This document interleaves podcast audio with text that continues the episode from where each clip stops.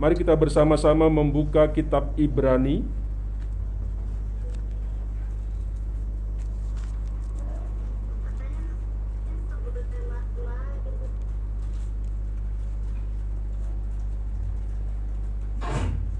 Kitab Ibrani pasal yang ke-10 Ayat yang ke-19 Sampai dengan ayat yang ke-30 9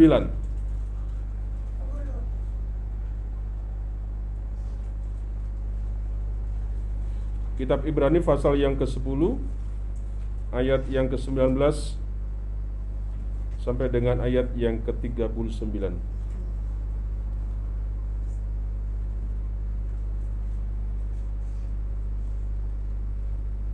Mari kita akan membaca Secara bergantian Saya akan mulai. Bapak Ibu Bersama-sama membaca ayat 20 sampai dengan ayat 32 Demikian bunyi firman Tuhan. Ketekunan.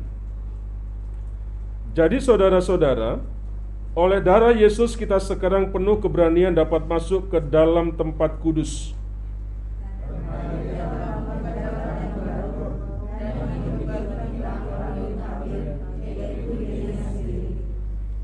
dan kita mempunyai seorang imam besar sebagai kepala rumah Allah.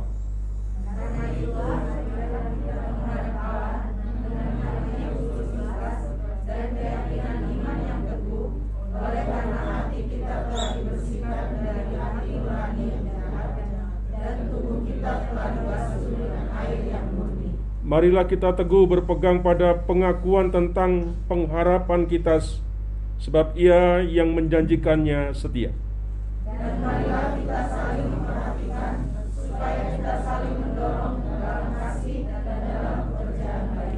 Janganlah kita menjauhkan diri dari pertemuan-pertemuan ibadah kita seperti dibiasakan oleh beberapa orang. Tetapi marilah kita saling menasihati dan semakin giat melakukan menjelang hari Tuhan yang mendekat.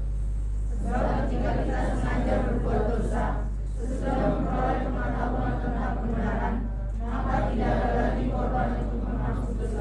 Tetapi yang ada ialah kematian yang mengerikan akan penghakiman dan api yang dahsyat yang akan menghanguskan semua orang durhaka. Jika ada orang yang menolak hukum Musa, ia dihukuman tanpa belas kasihan atas keterangan dua atau tiga orang saksi. Betapa lebih beratnya hukuman yang harus dijatuhkan atas dia yang menginjak-injak anak Allah, yang menganggap najis darah perjanjian yang menguduskannya, dan yang menghina roh kasih karunia.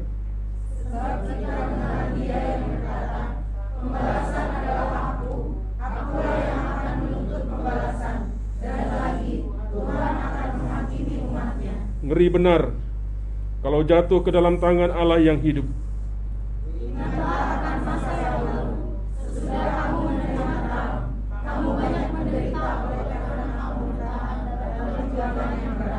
Kok baik waktu kamu dijadikan tontonan oleh cercaan dan penderitaan, maupun waktu kamu mengambil bagian dalam penderitaan mereka yang diperlakukan sedemikian.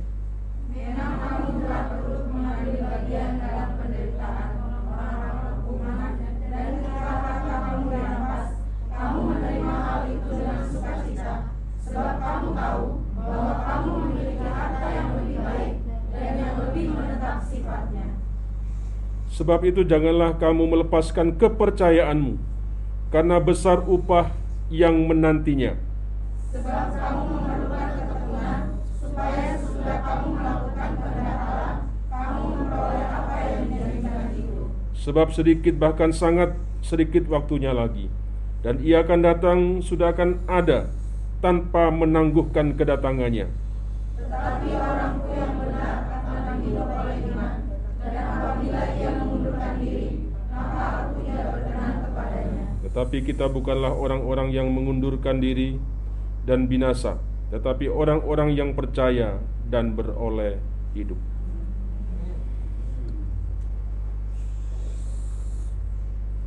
Ayat yang ke-22 Karena itu, marilah kita menghadap Allah dengan hati yang tulus ikhlas dan keyakinan iman yang teguh. Oleh karena hati kita telah dibersihkan dari hati nurani yang jahat dan tubuh kita telah dibasuh dengan air yang murni.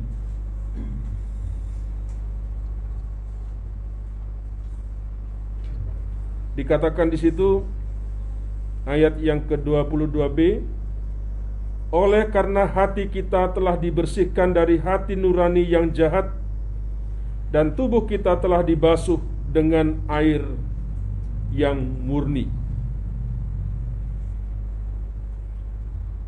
Bapak Ibu Saudara dikasih Tuhan, seperti kita tahu bahwa hati itu merupakan organ organ vital yang berfungsi menawarkan dan menetralkan racun, mengatur sirkulasi, ya, siklus hormon, mengatur komposisi darah dan sebagainya. Itu fungsi daripada hati. Nah, ketika kita memahami, ketika kita mengerti betapa pentingnya fungsi hati, ya, maka itu sangat berguna, sangat perlu bagi masa ke, masa depan kehidupan kita manusia.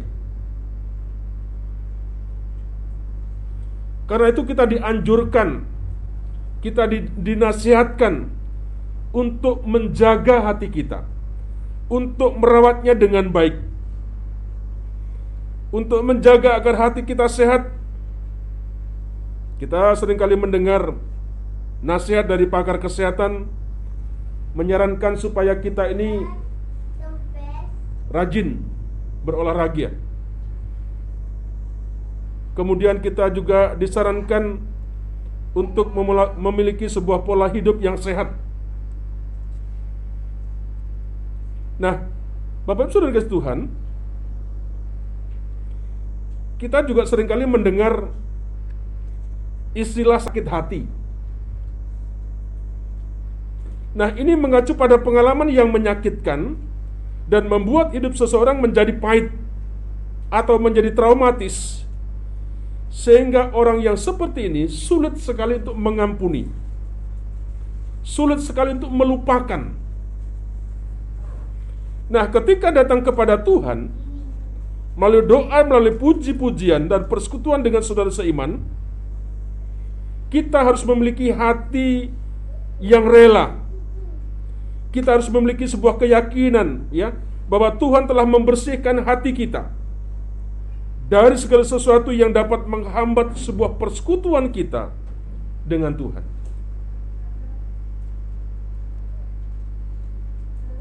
Bapak Ibu yang kasih Tuhan, bagaimana dengan hati kita di hadapan Tuhan? Mari kita belajar satu bagian firman Tuhan yang kita baca dalam kitab Ibrani pasal yang ke-10 tadi. Firman Tuhan ini judulnya adalah ketekunan. Bagian firman ini mendorong kepada setiap kita untuk tekun ya di dalam Tuhan melalui karyanya dan kuasanya. Terlebih di saat-saat kita menantikan kedatangan Tuhan. Kedatangan Tuhan dalam pemahaman Yesus yang lahir ke dalam dunia, datangnya firman dan roh, dan datangnya pada masa kekekalan. Ada beberapa hal yang kita bisa pelajari dari bagian firman Tuhan di sini. Yang pertama, Bapak Saudara, dikatakan di situ Tuhan Yesus adalah imam besar. Ya. Ayat 21 dikatakan kita mempunyai seorang imam besar sebagai kepala rumah Allah. Tuhan Yesus adalah imam besar.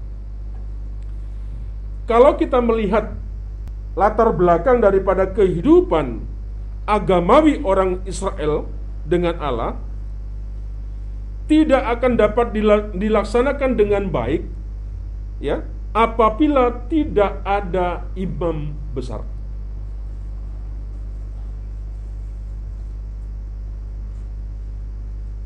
Jadi kalau tidak ada imam besar, maka kehidupan agamawi orang Israel pada waktu itu tidak tidak bisa dilaksanakan dengan baik. Ya. Nah, imam besarlah yang menjadi penyambung lidah. Imam besarlah yang menjadi penghubung, yang menjadi perantara, ya. Antara manusia berdosa dengan Allah. Allah yang maha tinggi, Allah yang maha kudus. Sehingga, sehingga pada waktu hidup, kehidupan ibadah orang Israel, pada zaman Israel, sangat diperlukan adanya seorang imam besar. Karena dia yang menjadi penghubung pada waktu itu orang-orang yang berdosa dengan Allah yang Maha Kudus. Tetapi Bapak yang dikasih Tuhan, firman Tuhan menegaskan dalam hidup kita bahwa saat ini ya kita tidak perlu lagi memilih, memerlukan seorang imam besar ya untuk menjadi penghubung untuk menjadi penyambung lidah kita ya untuk menjadi perantara kita dengan Allah Kenapa? Karena kita sekarang ini ya sudah punya Tuhan Yesus. Kita punya satu pribadi ya imam besar bagi hidup kita yaitu Tuhan Yesus. Kalau dulu sekali lagi Bapak Ibu, ibadah pada konteks zaman Israel butuh imam besar. Karena dia penyambungnya, dia perantaranya. Tetapi saat ini tidak butuh lagi. Kita punya imam besar. Tapi jangan salah, imam besar kita bukan ARS. Ya. Imam besar kita adalah Tuhan Ye Yesus. Dialah imam besar kita, ya. Nah, dengan adanya Tuhan Yesus menjadi imam besar dan dia berdiam dalam hati kita, Bapak Ibu, orang-orang percaya adalah hubungan rohani langsung bisa berkomunikasi langsung dengan Allah tanpa lagi perantara.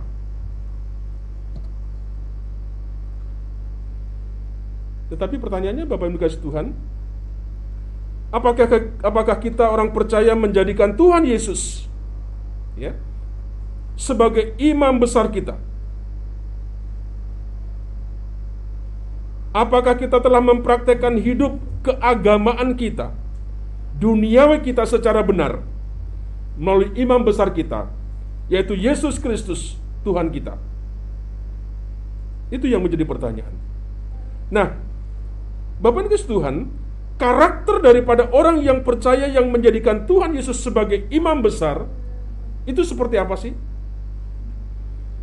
Tadi saya katakan, apakah dalam kehidupan kita, ya, dalam perjalanan kehidupan kita, dalam dalam kehidupan kita mempraktekkan keagamaan kita, dalam kita hidup dalam dunia ini, apakah sungguh-sungguh imam besar itu, Yesus Kristus itu, Tuhan kita itu sudah dijadikan sebagai seorang imam. Nah, saya katakan karakter orang percaya yang menjadikan Tuhan Yesus sebagai seorang imam besar itu adalah yang pertama, orang itu mempunyai kekudusan dalam hidupnya. Kalau kita tadi membaca ayat yang ke-19, jadi saudara-saudara, oleh darah Yesus sekarang penuh keberanian dapat masuk ke dalam tempat kudus. Orang yang menjadikan Kristus sebagai imam besar dalam kehidupannya, orang tersebut mempunyai kekudusan dalam hidupnya mempunyai sebuah ketulusan yang ikhlas, keyakinan iman yang teguh menghadap Kristus. Sepanjang ibadah kita, pujian kita selalu membawa kepada kita untuk mencintai Tuhan, untuk mengasihi Tuhan. Ya. Mempunyai hati yang tulus ikhlas dengan ke, ke, keyakinan yang kuat, yang teguh di hadapan Kristus. Itu karakter kita yang ke, yang kedua. Yang ketiga, kita mempunyai pengharapan yang pasti di dalam Tuhan. Kalau kalau kita menjadikan Kristus sebagai imam besar kita, Bapak Ibu, maka kita mempunyai sebuah pengharapan yang pasti di dalam Tuhan karena kita meyakini bahwa Tuhan kita adalah Tuhan yang setia. Ayat 23 tadi dikatakan seperti itu. Marilah kita teguh berpegang pada pengakuan tentang pengharapan kita. Sebab ia yang menjanjikannya seti, setia. Bapak Ibu, dalam kehidupan kita, kalau engkau menjadikan Yesus sebagai imam besar dalam kehidupanmu, engkau punya pengharapan yang pasti akan Tuhan. Ya. Kenapa? Karena dalam diri kita, dalam dirimu, meyakini bahwa kita punya Tuhan yang setia, yang setia. Yang keempat, apa dikatakan di sana ayat 24? Dan marilah kita saling memperhatikan supaya kita saling mendorong dalam kasih dan dalam pekerjaan baik. Saling mendorong, ya, kasih dan dalam perbuatan baik kalau kita menjadikan Yesus sebagai imam besar kita, maka ada karakter, ada sifat dalam kehidupan kita. Kita saling mendorong dalam kasih dan dalam perbuatan baik. Ya. Yang kelima, perhatikan ayat, ayat 25. Ya. Janganlah kita menjauhkan diri dari pertemuan-pertemuan ibadah kita, seperti dibiasakan oleh beberapa orang, tetapi marilah kita saling menasihati dan semakin giat melakukan menjelang hari Tuhan yang mendekat. Orang yang menjadikan Yesus sebagai imam besar, ya. Karakternya adalah tidak menjauhkan diri dari pertemuan-pertemuan ibadah. Dengan harapan apa? Kita bisa saling menasihati, ya. Kita bisa melakukan kebaikan dikatakan menjelang hari Tuhan yang semakin mendekat. Bapak Ibu, saya selalu mengingatkan kepada setiap kita. Mari dalam aktivitas kita dalam dunia ini jangan sampai kita jauh karena kesibukan-kesibukan yang ada dalam kehidupan kita. Tadi pagi Pak Kulis sudah membagi firman Tuhan melalui renungan ya. Kita dipanggil kita diselamatkan oleh Tuhan. Ada maksud dan tujuannya. Bukan untuk kita nikmati sendiri tetapi kita dipanggil untuk melayani akan Tuhan. Jangan menjauhkan persekutuan-persekutuan ibadah ya. Agar kita di sana bisa saling menasihati, saling menguatkan, saling menghibur ya. Yang terakhir, karakter yang terakhir. Ayat 26, 28 di sana dikatakan, sebab jika kita sengaja berbuat dosa, sesudah memperoleh pengetahuan tentang kebenaran, maka tidak ada lagi korban untuk menghapus dosa itu. Tetapi yang ada ialah kematian yang mengerikan akan penghakiman dan api yang dahsyat yang akan menghanguskan semua orang durhaka. Jika ada orang yang menolak hukum Musa, ia dihukum mati tanpa belas kasihan atau keterangan dua atau tiga orang saji, saksi. Mari Bapak Tuhan kita mau belajar bagaimana kita menghargai belas kasih. Mari kita menghargai karya keselamatan. Ya. Mari kita memuliakan Tuhan melalui talenta-talenta yang dikaruniakan Tuhan yang diberikan dalam kehidupan setiap kita secara pribadi. Itulah karakter orang-orang yang menjadikan Yesus Kristus sebagai imam besar dalam kehidupan kita. Yang kedua, apa yang kita bisa pelajari di sini? Ya, Tuhan adalah hakim yang adil. Tadi adalah imam besar. Sekarang dikatakan Tuhan hakim yang adil. Nah, pengakuan Tuhan Yesus sebagai imam besar tidak dapat melepaskan hidup kita untuk menempatkan Tuhan Yesus sebagai hakim yang adil. Mengapa? Kita harus menempatkan Yesus sebagai hakim Tuhan, hakim yang adil. Kalau kita mengakui bahwa Yesus itu sebagai imam besar, ya, Sesungguhnya kita mengaku juga bahwa Tuhan Yesus adalah pribadi satu-satunya yang mempunyai kebenaran. Mengenal rancangan Allah dalam hidup kita. Oleh karena itu, sudah seharusnya juga kita mengenal Kristus sebagai ha? hakim. Suka atau tidak, percaya atau tidak. Firman Tuhan mengatakan, siapa pun nanti orang, hakimnya adalah I, Isa. Tidak hanya sebagai yang bertindak sebagai pemutus tempat di surga, ya, atau neraka, tetapi pengakuan kita sebagai hakim. Ini yang penting. Bapak ini Tuhan, ketika kita mungkin diperlakukan tidak baik, ketika kita membutuhkan sebuah solusi, ketika kita membutuhkan sebuah nasihat, ketika kita membutuhkan sebuah kebenaran dan sebagainya, kita perlu membutuhkan seorang imam besar yang agung, ya, se seorang imam yang besar yang bertindak sebagai hakim yang adil. Dialah namanya Ye Yesus. Nah, pengakuan Kristus sebagai hakim mem membutuhkan sebuah perjuangan.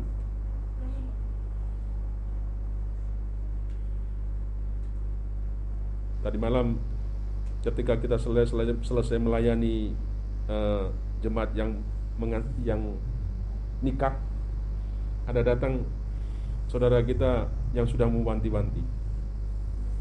Ya, Besok kamu harus ibadah. Katanya begitu. Oh, masa sih? Iya Pak Pendeta, setelah tadi kita pulang terakhir, itu yang pesankan kita. Bahkan kemarin dengan tegas itu si Bapak Nenggolan sampaikan, jangan setelah dinikahkan di gereja, kemudian kamu tidak berbakti kepada gereja. Kamu pindah gereja.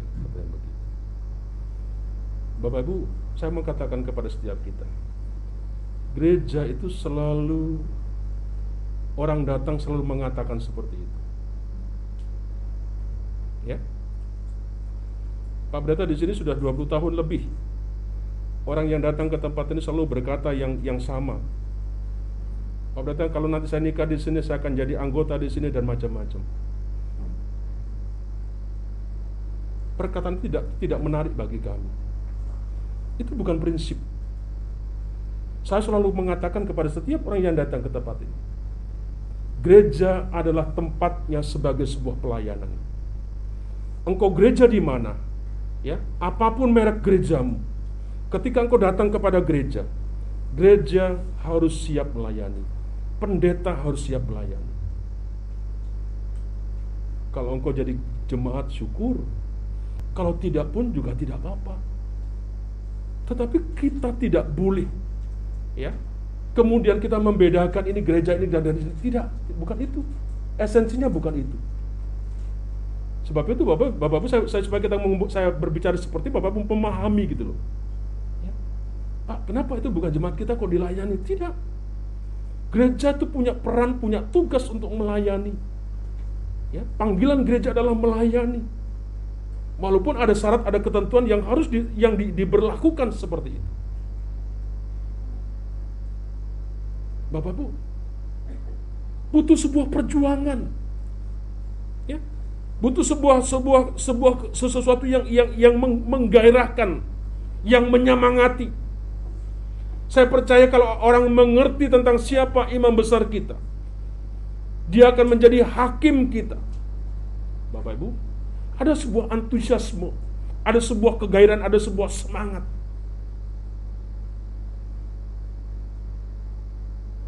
Ya. Pengakuan Kristus sebagai hakim membutuhkan sebuah perjuangan, membutuhkan sebuah kerendahan hati untuk mengambil bagian dalam penderitaan Kristus.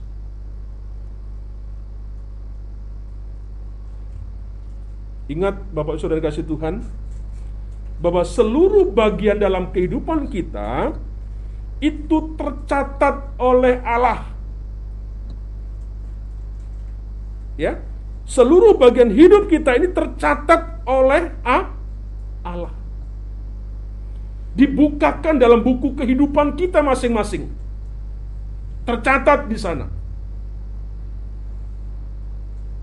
Ada waktunya catat itu menjadi suatu tuntunan bagi hidup kita. Mari Bapak Ibu Kita diingatkan bahwa kita punya hakim yang ah, adil. Yang terakhir, hal penting apa yang kita bisa lihat dari bagian firman Tuhan di sini? Mari kita menerima sukacita dan hidup kekal dari imam besar itu imam besar itu memberikan sebuah kehidupan yang kekal. Mari kita terima dengan penuh sukacita. Sebentar kita akan bersama-sama merayakan Natal. Ya. Kita menyambut akan kedatangan Tuhan dalam berbagai hal, ya. Yesus yang sudah lahir, firman yang sudah ada dan rohnya kemudian kita juga menyambut untuk kedatangan Kristus yang kedua kali. Mari kita jadikan sesuatu berita ini menjadi berita yang sukacita. Dan kita juga diingatkan ya dari bagian firman Tuhan ini. Nah, Bapak Ibu, dampak yang luar biasa yang akan terjadi ketika kita menerima Tuhan Yesus sebagai perantara sebagai imam besar tadi, ya. Tentunya ini membawakan sesuatu sesuatu berita yang yang menggembirakan yang luar biasa dalam kehidupan setiap kita. Kenapa? Karena kita diberikan harta surgawi. Kita diberikan harta rohani. Harta yang bersifat kekal ya dalam hidup kita. Apa itu? Keselamatan kehidupan kekal dalam kerajaan surga, pengubahan hidup ke arah Kristus, kesempatan melayani, ya, memuliakan Kristus serta diberi kuasa untuk menjadi anak-anak Allah. Bapak Ibu, itu sesuatu ketika kita menjadikan Kristus sebagai imam besar, sebagai hakim yang adil, Bapak Ibu, maka semua hal yang saya katakan tadi itu diberikan kepada setiap kita. Sehingga apa nasihat kita, nasihat firman Tuhan tadi? Semua yang diberikan tadi yang saya katakan tadi, oleh karena itu firman Tuhan memerintahkan kepada kita, diperintahkan kepada setiap kita agar jangan melepaskan iman kepercayaan kita.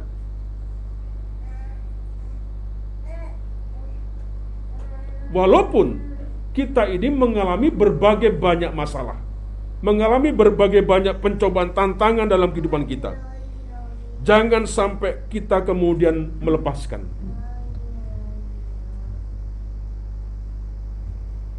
Ingat kata firman Tuhan tadi ayat, yang ke-35, sebab itu janganlah kamu melepaskan kepercayaanmu karena besar upahmu yang menanti nantinya.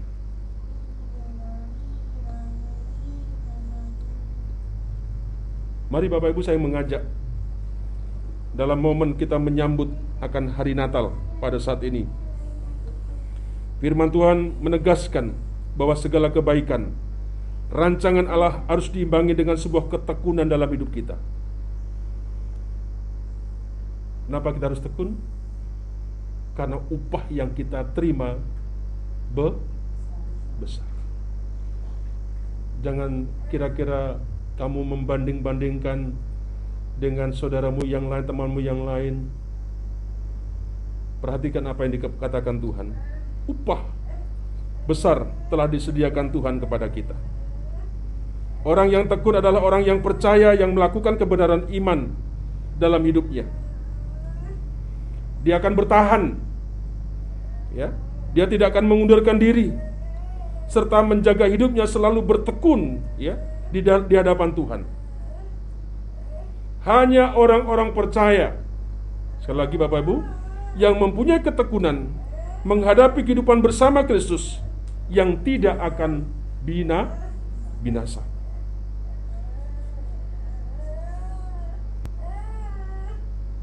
Mari kita renungkan bersama-sama di persiapan kita menyambut Natal, di persiapan di penghujung tahun ini. Mari kita bertanya bagaimanakah hidup kita? Apakah kita telah menerima Kristus sebagai imam besar dan hakim dalam kehidupan kita? Kita diingatkan bahwa Tuhan telah membersihkan hati nurani kita dengan air yang murni oleh penebusan Yesus Kristus. Melalui kuasa Roh Kudus kita telah dimurnikan dari segala macam kepahitan hati, iri, dengki dan sifat pendendam dan tidak mau mengampuni. Tuhan telah membersihkan semuanya itu. Tuhan sudah menyucikan itu semua. Karena itu karena semua itu dapat merusak persekutuan kita dengan Allah. Mari kita datang bersama-sama kepada Tuhan dengan sungguh-sungguh dengan penuh sebuah keyakinan. Hilangkan, buang segala sesuatu yang ada dalam hati kita yang dapat merusak persekutuan kita dengan Tuhan. Biarlah karya daripada keselamatan Tuhan menolong kita untuk dapat secara langsung ya memahami Allah dalam rancangannya sehingga kita mampu menjadi penurut ya dan orang-orang yang berkenan di hadapan Tuhan. Mari kita bersama-sama berjuang. Mari kita bersama-sama tekun. Jangan sampai iman percaya kita itu menjadi hilang. Karena upah sudah disiapkan kepada setiap kita. Mari biarlah ketika kita menyambut Natal, ketika kita memasuki tahun akan baru, kita punya hati yang sudah dibersihkan oleh darah Yesus, oleh kuasa Yesus, sehingga kita bisa menerima semua apa yang dijanjikan Tuhan kepada setiap kita. Mari kita tunduk kepala kita berdoa bersama-sama.